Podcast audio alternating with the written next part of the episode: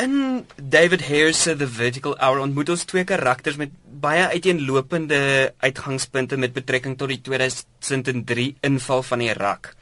Uh Nadia Bly gespeel deur Jackie Rens is 'n voormalige oorlogskorrespondent wat nou klas gee by Yale Universiteit in politieke wetenskap. Mm uh sy raak dan verlief op Richard, 'n uh, Brit wat 'n lewe maak as 'n chiropraktisyn in Amerika en hy neem Nadia op vakansie na die Walliese grens om sy pa Oliver Lucas wat deur Michael Richard gespeel word te ontmoet en dis dan hier waar die vonke begin spat. en hoe pas jy in Jaco? Ek speel 'n baie klein rolletjie aan die begin van die toneelstuk is is ek een van Nadia se studente. Ehm um, en dan aan die einde van die toneelstuk sien ons haar weer met 'n ander student en die hele die hele toneelstuk word soort van geboek en deur hierdie twee twee opinies aan die begin en die einde hoe sy klas gee aan die begin met die een student en hoe haar opinies dan verskuif na die tweede student toe. Ek wil gou eens praat oor die titel van die stuk, The Vertical Hour. Wat is die Vertical Hour? Um, well, the vertical hour. It's there's actually a lovely quote in the in the play that Nadia mentions about the vertical hour. It's it's that moment after a shooting where you can actually be of some help to the people that you are, are interacting with, and that's described as the vertical hours, where you can actually be of some service, some help to the people who desperately desperately need it. En hoe pas dit dan in by by die toneelstuk? Die toneelstuk funksioneer op twee verskillende vlakke. Die een die een vlak deel met die oorlog in Irak en Amerika en Brittanje se involvement daarmee mm -hmm. en dan op 'n ander vlak ondersoek dit persoonlike verhoudings en die psigolo eh, psychology agter persoonlike verhoudings en hoe dit ons besluite beïnvloed. Is dit 'n nuwe teks? Want want ek meen dis uiters relevante kwessies wat aangespreek word. Mm. Dit is absoluut relevant. Dit is nie 'n splinter nuwe teks nie. Ehm um, dit het ek dink in 2006 ja. gepremier ja, in Broadway. Dis reg. Ja. Ehm ja. um, maar dit is weer ehm um, herleef. Ek dink omtrent 'n jaar gelede het hulle besluit om 'n om 'n tweede produksie daarvan te doen omdat dit so relevant is en omdat die die oorlog steeds voortwoed en daar nog steeds nuwe nuwe krisisse is wat wat gebeur in die middel Midde-Ooste. Dit klink vir my nou 'n baie ernstige toneelstuk. is dit? it it it definitely deals with some some very intense subjects. Um, you know, war and internal politics is really it's it's something that we deal with on a day-to-day basis, and we see it on the news, and we talk about it with within our families and within our loved ones.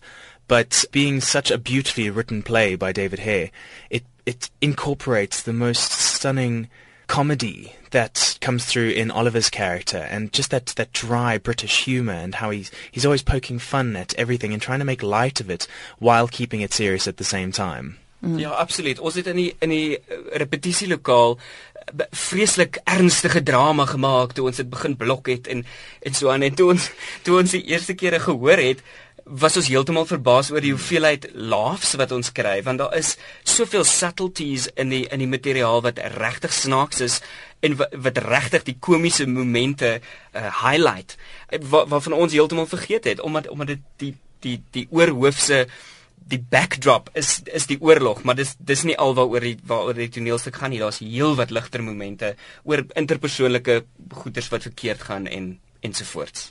Kyk, ek het geweldig baie respek vir Michael. Hoe is dit om saam met hom te werk? Um well, for me I was lucky enough to have I did the the previous show with Michael Richard as well. We did mm-hmm. a show called Vanya Sonia Marsh and Spike. Oh, and oh, yes, I was. Yeah. I played Spike. Oh yeah. Um, and it was it's it's been an absolute journey for me working with Michael for almost seven months of this this year, and just watching him perform mm-hmm. and watching his ease on stage as an actor and just putting on his character's clothes is it's absolutely fascinating and it's I mean the information that that I've gathered from that has been invaluable. En Fred, Fred Abrams wat wat die regisseur is, ek meen dit moet fenomenaal wees om saam met hom ook te werk.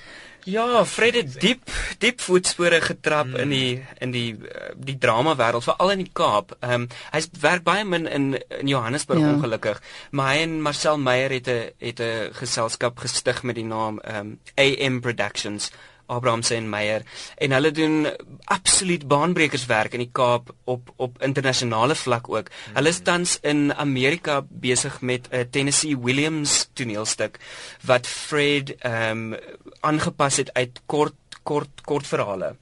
En ehm um, dit premier nou in die FSA. Hy is 'n absolute wêreldeksponent op die gebied van Tennessee Williams en gee klas in Amerika en sy sy toneelstukke word uitvoerprodukte. So dis absoluut wonderlik om saam met hom te werk en hy's net die mees kalmste regisseur met wie ek omtrent nog ooit gewerk het. Daar is net niks wat ooit 'n probleem is nie. Hy hy is absoluut kalm en in beheer en weet presies wat hy wil hê en het die die utmost res, respect vir vir die mense met wie hy werk. Hmm op die verhoog en agter die skerms. Absolute fees om mee saam te werk. Ek wil hê ons moet gou 'n bietjie gesels oor oor Jackie Rens wat wat die hoofrol speel.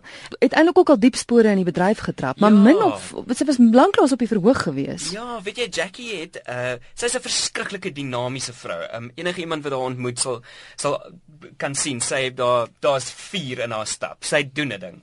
En Jackie het die afgelope 4 jaar haar performing career bietjie op sy gesit om 'n uh, 'n nuwe musiekteaterdepartement te skep in Pretoria en sy het binne 3 jaar 'n fakulteit op die been gebring met van die mees formidable lektore en mense wat in die industrie is en die Oakfields College musiekteater en dansdepartement gestig. So sy het vir die afgelope 3 jaar meer op op ehm um, onderrig gefokus en Vertical Hour is nou weer haar debuut terug mm op die op die planke. Julle is nou nog tot die 9de November te sien by Monte Casino.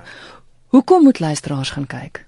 Ek dink dit is baie belangrik dat in die gees van teater, ehm um, Suid-Afrika ook die meer ernstige stukke soos The Vertical Hour ensovoorts ondersteun. Ek meen ons het 'n verskriklike invloeks van musicals gehad oor die afgelope 10 jaar en dit is verskriklik maklik om die groot blockbuster goeders te verkoop. Maar ek dink dit is regtig moeilik om kleiner toneelstukke en eksperimentele werk soos The Vertical Hour te verkoop en ek dink dit is regtig belangrik vir ons as 'n industrie om hierdie kleiner produkte te ondersteun om die industrie te bou. I think there's it's just it's so important for people to come and watch beautifully portrayed theatre rather than like Yaku said the whole blockbuster musicals it's it's it's another thing to come and experience a beautiful story told on stage and that's what's very special about especially this play is is the audience comes to be moved and they walk out being moved in some way or another, whether it's it's regarding war politics or whether it's regarding the politics within themselves and how they see a bit of themselves in the characters portrayed on stage. It's it's it's really it's, it's a phenomenal thing to to come to a play and to walk out having that experience.